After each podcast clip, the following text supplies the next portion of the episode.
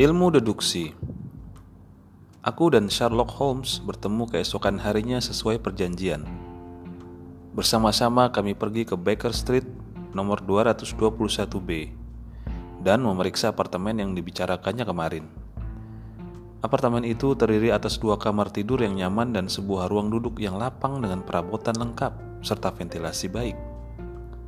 Penerangannya juga bagus karena cahaya masuk dengan bebas dari dua jendela besar yang ada di sana. Apartemen tersebut begitu menarik dalam segala hal. Harganya juga cukup murah bila ditanggung kami berdua, sehingga saat itu juga kami memutuskan untuk menyewanya. Uang sewa diserahkan kepada pemilik apartemen, surat-surat ditandatangani, dan resmilah apartemen itu menjadi tempat tinggal kami. Malam itu juga aku memindahkan barang-barangku dari hotel dan keesokan paginya Sherlock Holmes mengikuti langkahku dengan membawa beberapa kotak dan koper. Selama satu dua hari kami sibuk membongkar serta menata barang-barang kami. Setelah itu barulah kami menyesuaikan diri dengan lingkungan baru kami.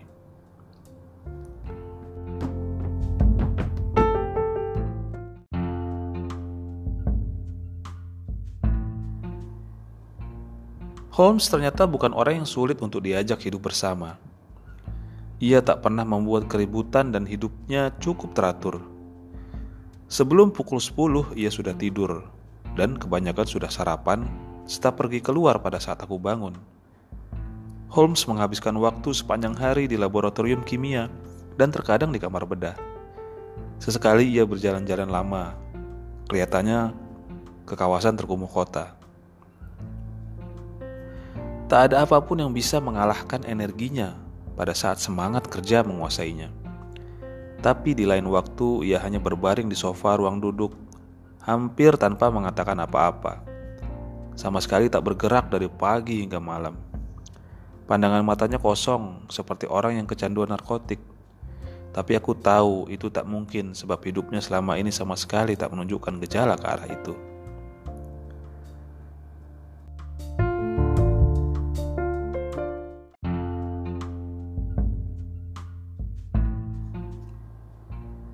Beberapa minggu berlalu, aku makin penasaran. Apa sebenarnya tujuan hidup Sherlock Holmes? Pertanyaan ini terus mengusikku. Holmes memiliki kepribadian serta penampilan pasti akan menarik minat siapa pun. Ia bertubuh jangkung, tingginya lebih dari 180 cm, dan begitu kurus hingga tampak lebih jangkung. Matanya tajam menusuk, kecuali ketika sedang melamun dan hidungnya yang runcing bagai paruh Raja Wali menyebabkan seluruh ekspresinya terkesan waspada dan mantap. Dagunya kokoh dan berbentuk segi empat, menandakan ia orang yang bertekad kuat. Tangannya sering kali ternoda tinta serta bahan kimia, namun sentuhannya begitu halus, sebagaimana kusaksikan saat ia memainkan biolanya.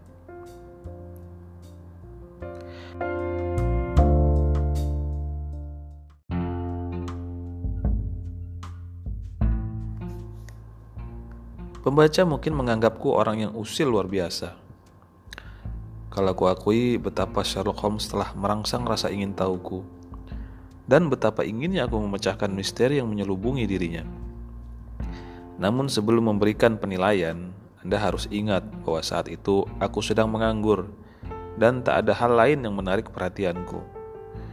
Kondisi kesehatanku menyebabkan aku tak bisa keluar rumah kecuali ketika cuaca sangat cerah padahal aku tidak memiliki teman yang bisa mengunjungiku dan mematahkan rutinitas kehidupanku. Dalam situasi seperti ini, dengan penuh semangat aku menyambut misteri kecil yang ada di hadapanku dan berusaha mengungkapkannya. Holmes bukan mahasiswa kedokteran. Ini diakuinya sendiri ketika aku tanya. Ia juga tidak terlihat memburu bacaan apa pun yang memungkinkannya untuk mendapatkan gelar di bidang sains atau bidang lainnya. Sekalipun begitu, ada hal-hal tertentu yang dengan tekun dipelajarinya, dan dalam batasan-batasan eksentrik pengetahuannya, luar biasa banyak dan pengamatannya begitu rinci. Sehingga aku tertegun. Jelas tidak ada orang yang mau bekerja begitu keras atau memperoleh informasi setepat itu tanpa tujuan yang nyata. Orang yang membaca hanya untuk iseng pasti hanya memperoleh pengetahuan sekadarnya. Berbeda dengan Holmes yang mau membebani benaknya sampai ke hal-hal kecil. Anehnya, pengetahuan Holmes yang begitu luar biasa diimbangi dengan ketidaktahuan yang sama besarnya di bidang lain. Holmes sama sekali tak tahu apa-apa tentang karya-karya sastra kontemporer, filosofi, dan politik saat aku mengutip pendapat Thomas Carlyle, dengan naif Holmes bertanya, siapa orang itu dan kejahatannya apa yang dilakukannya? Keherananku mencapai puncak sewaktu tanpa sengaja ku ketahui bahwa Holmes tidak mengerti teori Kopernikus dan komposisi tata surya. bahwa ada manusia beradab di abad ke-19 ini yang tidak menyadari bahwa bumi mengitari matahari. Bagiku merupakan fakta yang begitu luar biasa hingga aku hampir-hampir tidak mempercayainya.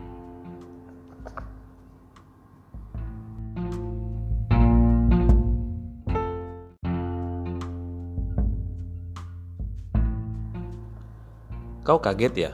kata Holmes, tersenyum melihat ekspresi wajahku. Sekarang aku sudah tahu teori-teori itu, tapi aku hanya berusaha sebaik-baiknya untuk melupakannya. Melupakannya? Begini, katanya menjelaskan. Otak manusia pada awalnya sama seperti loteng kecil yang kosong, dan kau harusnya mengisi dengan perabot yang sesuai dengan pilihanmu. Orang bodoh mengambil semua informasi yang ditemuinya sehingga pengetahuan yang mungkin berguna baginya terjepit di tengah-tengah atau tercampur dengan hal-hal lain. Orang bijak sebaliknya, dengan hati-hati ia memilih apa yang dimasukkannya ke dalam loteng otaknya. Ia tidak akan memasukkan apa pun kecuali peralatan yang akan membantunya dalam melakukan pekerjaannya. Sebab peralatan ini saja sudah sangat banyak. Semuanya itu diatur rapi dalam loteng otaknya. Sehingga ketika diperlukan, ia dapat dengan mudah menemukannya. Keliru kalau kau pikir loteng otak kita memiliki dinding-dinding yang bisa membesar. Untuk setiap pengetahuan yang kau, kau masukkan, ada sesuatu yang sudah kau ketahui yang terpaksa kau lupakan. Oleh karena itu, penting sekali untuk tidak membiarkan fakta yang tidak berguna menyingkirkan fakta yang berguna. Tapi tata surya, kataku memprotes. Apa gunanya bagiku, kata Holmes tak sabar. Kalaupun bumi bergerak mengitari bulan, itu tidak akan mempengaruhi pekerjaanku. Aku hampir saja menanyakan apa pekerjaannya, tapi sesuatu dalam sikapnya menunjukkan bahwa itu bukan saat yang tepat. Aku hanya bisa mengingat-ingat percakapan singkat kami dan berusaha keras menarik kesimpulan dari percakapan tersebut.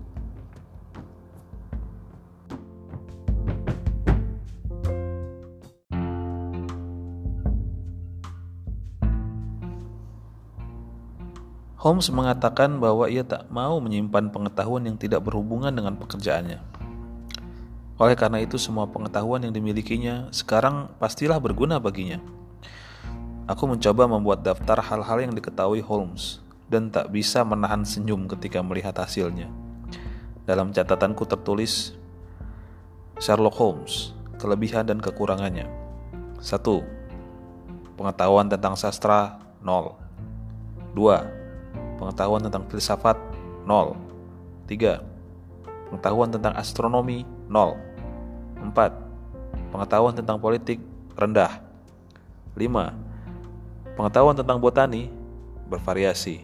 Sangat memahami belladonna, opium, dan racun-racun secara umum. Tidak tahu apa-apa tentang praktek berkebun. 6. Pengetahuan tentang geologi praktis tapi terbatas. Mampu membedakan tanah dengan sekali pandang Sesudah berjalan-jalan dia pernah menunjukkan noda-noda cipratan tanah pada celana panjangnya. Dari warna dan konsistensinya, dia tahu dari daerah mana tanah itu berasal. 7. Pengetahuan tentang kimia menonjol. 8. Anatomi akurat tapi kurang sistematis. 9. Pengetahuan tentang berita-berita menghebohkan sangat banyak. Dia tampaknya tahu secara rinci semua tindak kejahatan yang terjadi pada abad ini. 10. Bermain biola dengan baik. 11. Sangat pandai dalam bela diri, satu tongkat, tinju, dan pedang. 12. Memiliki pengetahuan praktis tentang hukum Inggris.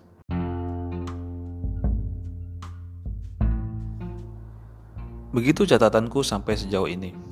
Namun setelah membacanya kembali, aku masih belum dapat menyimpulkan benang merah yang ada di antara semua itu. Kalau saja aku bisa mengetahui apa tujuan Holmes mempelajari semua ini, bidang apa yang memerlukan kemahiran-kemahiran ini, aku bertanya pada diriku sendiri. Aku menyerah dengan putus asa aku lemparkan catatan itu ke dalam api. Oh iya, tadi aku sudah mengatakan bahwa Holmes pandai bermain biola.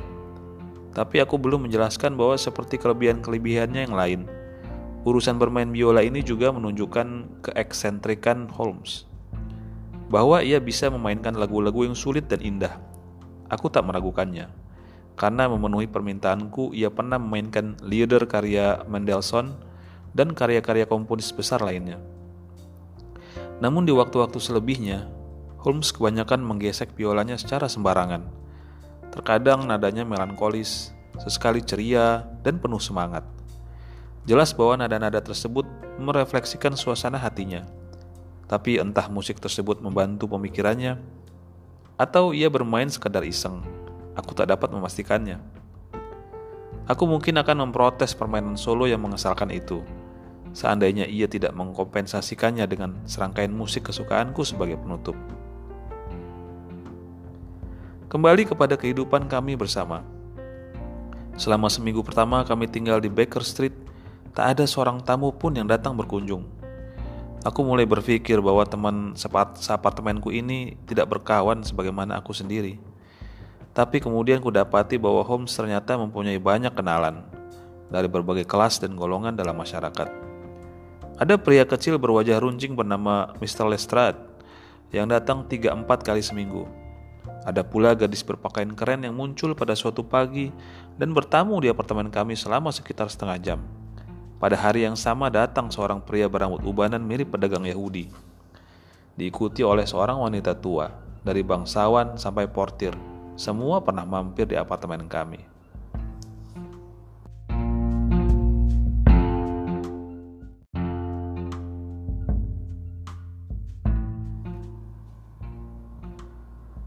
Bila mana orang-orang ini datang, Holmes rasanya meminta izin untuk menggunakan ruang duduk dan aku akan diam di kamar tidurku. Aku harus menggunakan tempat ini sebagai kantor, jelas Holmes. Orang-orang itu adalah klienku. Sekali lagi aku mendapat kesempatan untuk mengajukan pertanyaan, namun sopan santun menghalangiku untuk memaksa orang mempercayakan rahasianya kepadaku. Holmes pastilah memiliki alasan kuat untuk tidak membicarakan pekerjaannya. Tapi beberapa waktu kemudian ia sendiri yang menyinggung masalah itu.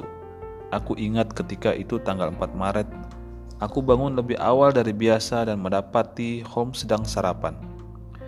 Sarapanku sendiri belum tersedia karena induk semangku tahu aku biasa makan agak siang.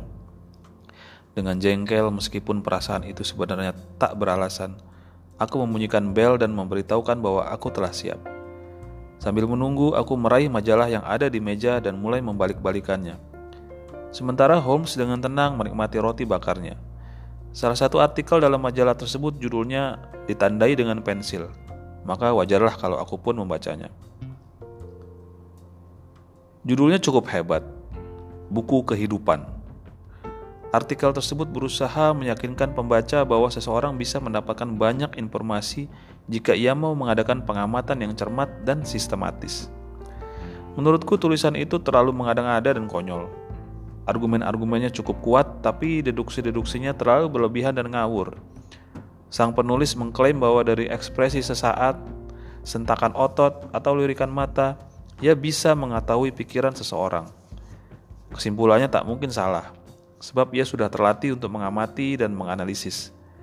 Orang awan mungkin akan menganggapnya paranormal, padahal semua itu merupakan hasil penalaran yang logis.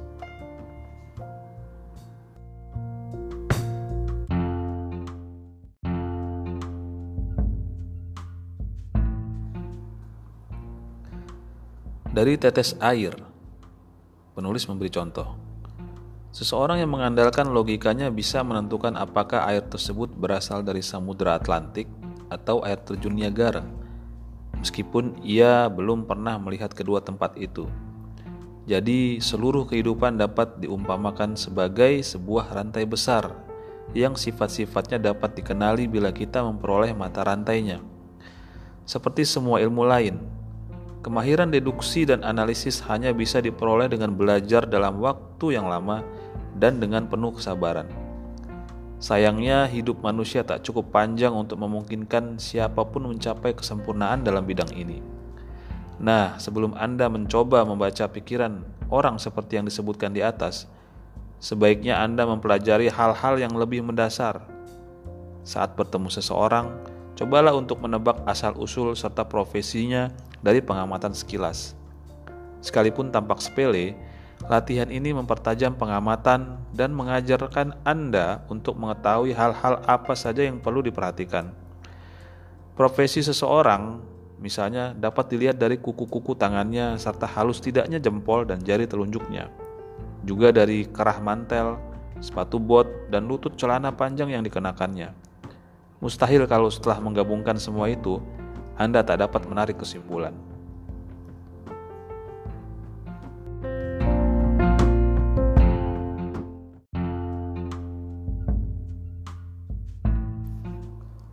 Omong kosong, seruku. Mengempaskan majalah tersebut ke meja. Aku belum pernah membaca sampah seperti ini seumur hidupku. Ada apa? Tanya Holmes. Artikel ini kataku, menunjuk dengan sendok telurku dan mulai menyantap sarapanku. Kau pasti sudah membacanya karena kulihat kau menandainya dengan pensil. Tulisan ini memang menarik dan tampaknya meyakinkan, tapi sama sekali tidak praktis. Kurasa ini cuma teori orang yang duduk di ruang kerjanya dan mengolah paradoks kecil ini dalam pikirannya. Coba kalau dia disuruh naik gerbong kelas 3 kereta api bawah tanah. Aku ingin melihat apakah dia bisa menentukan profesi para penumpang di gerbong itu. Aku berani bertaruh seribu pound, dia tak mungkin mampu melakukannya. Kau akan kehilangan uangmu, kata Holmes tenang. Karena aku sendiri yang menulis artikel itu. Kau? Ya, aku sudah berpengalaman dalam hal pengamatan dan deduksi. Teori-teori yang kujelaskan di sana yang bagimu tampak tidak masuk akal, sebenarnya sangat praktis Begitu praktis hingga aku mengandalkannya untuk mencari nafkah. Bagaimana caranya? Tanyaku tanpa sadar.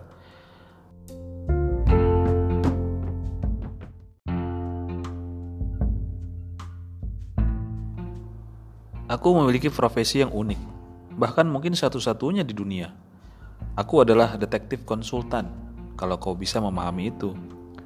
Di London ada banyak detektif polisi dan detektif swasta Bila mana orang-orang ini menemui jalan buntu, mereka datang menemuiku dan aku berhasil membawa mereka ke jejak yang benar. Mereka menyajikan semua bukti kepadaku dan biasanya aku mampu dengan bantuan pengetahuanku tentang sejarah kejahatan untuk memecahkan kasusnya.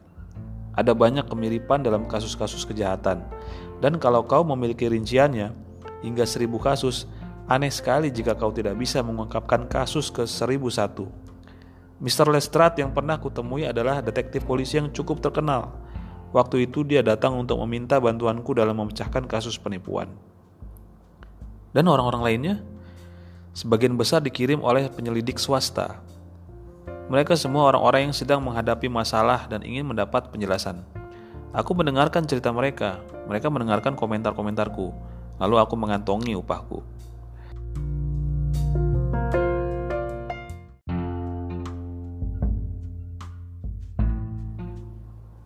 Maksudmu? Tegasku. Tanpa meninggalkan kamarmu, kau bisa mengungkapkan teka-teki yang tak bisa diungkapkan orang lain, sekalipun mereka sendiri sudah melihat setiap rinciannya. Kurang lebih begitu, aku memiliki semacam intuisi dalam hal ini. Sesekali ada kasus yang sedikit lebih rumit. Kalau begitu, aku terpaksa keluar dan melihat situasinya dengan mata kepalaku sendiri. Kau tahu, aku memiliki pengetahuan-pengetahuan khusus dan semua itu sangat membantu dalam pekerjaanku. Ilmu deduksi dalam artikel yang memicu kejengkelanmu itu bagiku sangat berharga dalam praktek. Mengamati orang sepertinya sudah merupakan sesuatu yang kulakukan secara otomatis. Kau ingat ketika kita pertama kali bertemu dan kukatakan kau datang dari Afghanistan? Pasti ada yang memberitahumu. Tidak, aku tahu kau datang dari Afghanistan. Kebiasaan yang sudah mendarah daging membuatku langsung mencapai kesimpulan itu tanpa mengikuti langkah demi langkah secara sadar. Tapi langkah-langkah itu ada. Coba perhatikan apa yang terlintas dalam pikiranku. Ini seorang yang bertipe medis, tapi dengan pembawaan militer. Jelas dia dokter angkatan darat. Wajah dan kulitnya kecoklatan. Berarti dia datang dari daerah tropis. Dia sudah melewati pengalaman yang keras dan menderita sakit. Itu tampak dari ekspresi wajahnya. Lengan kirinya pernah terluka karena posisinya kaku dan tidak wajar. Di kawasan tropis mana seorang dokter angkatan darat Inggris mengalami kekerasan terluka lengannya. Jelas di Afghanistan, Seluruh pemikiran itu memakan waktu tidak sampai sedetik. Aku lalu berkomentar bahwa kau datang dari Afghanistan. Dan kau tertegun. Cukup sederhana kalau mendengarkan penjelasanmu, kataku tersenyum. Kau mengingatkan aku pada Dupin, detektif rekaan Edgar Allan Poe. Aku tak pernah menduga orang seperti itu benar-benar ada dalam kehidupan nyata. Holmes beranjak bangkit dan menyulutkan pipanya. Kau pasti menduga aku tersanjung karena disamakan dengan Dupin. Tapi bagiku Dupin itu bukan apa-apa. Trik yang biasa dilakukannya yaitu mengungkapkan pikiran orang dengan komentar tajam setelah berdiam diri selama seperempat jam menurutku sangat pamer dan berlebihan. Dia memiliki kemampuan menganalisis yang cukup bagus, itu kuakui, tapi dia sebenarnya tak sehebat yang dibayangkan Po.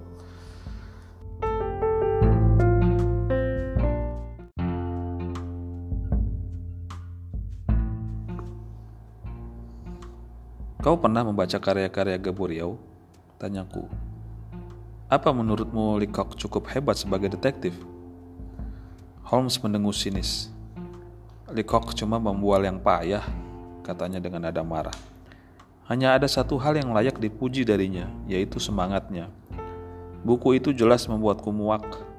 Leacock perlu waktu enam bulan untuk mengidentifikasikan seorang tawanan yang tidak dikenal. Aku bisa melakukannya dalam 24 jam. Bukannya menjadi panduan untuk para detektif. Buku ini justru mengajar mereka tentang hal-hal yang harus mereka hindari. Jengkel karena Holmes mencela kedua tokoh yang kukagumi, aku melangkah ke jendela dan berdiri memandang ke jalan yang ramai. Orang ini mungkin pandai, kataku dalam hati, tapi dia sangat sombong. Akhir-akhir ini tak ada kejahatan yang seru, kata Holmes. Apa gunanya kami para detektif memiliki otak Aku tahu aku memiliki kemahiran dan pengetahuan yang akan membuatku terkenal, tapi tidak ada kasus kejahatan yang layak untuk diselidiki. Kasus-kasus yang ada begitu gamblang sehingga detektif Scotland Yard pun bisa memecahkannya. Aku makin jengkel dengan kesombongan Holmes. Aku sengaja mengalihkan topik pembicaraan. Apa kira-kira yang dicari orang itu ya? Ujarku.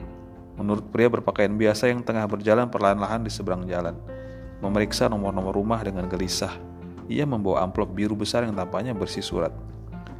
Maksudmu pensiunan Sarsan Mariner itu, kata Holmes.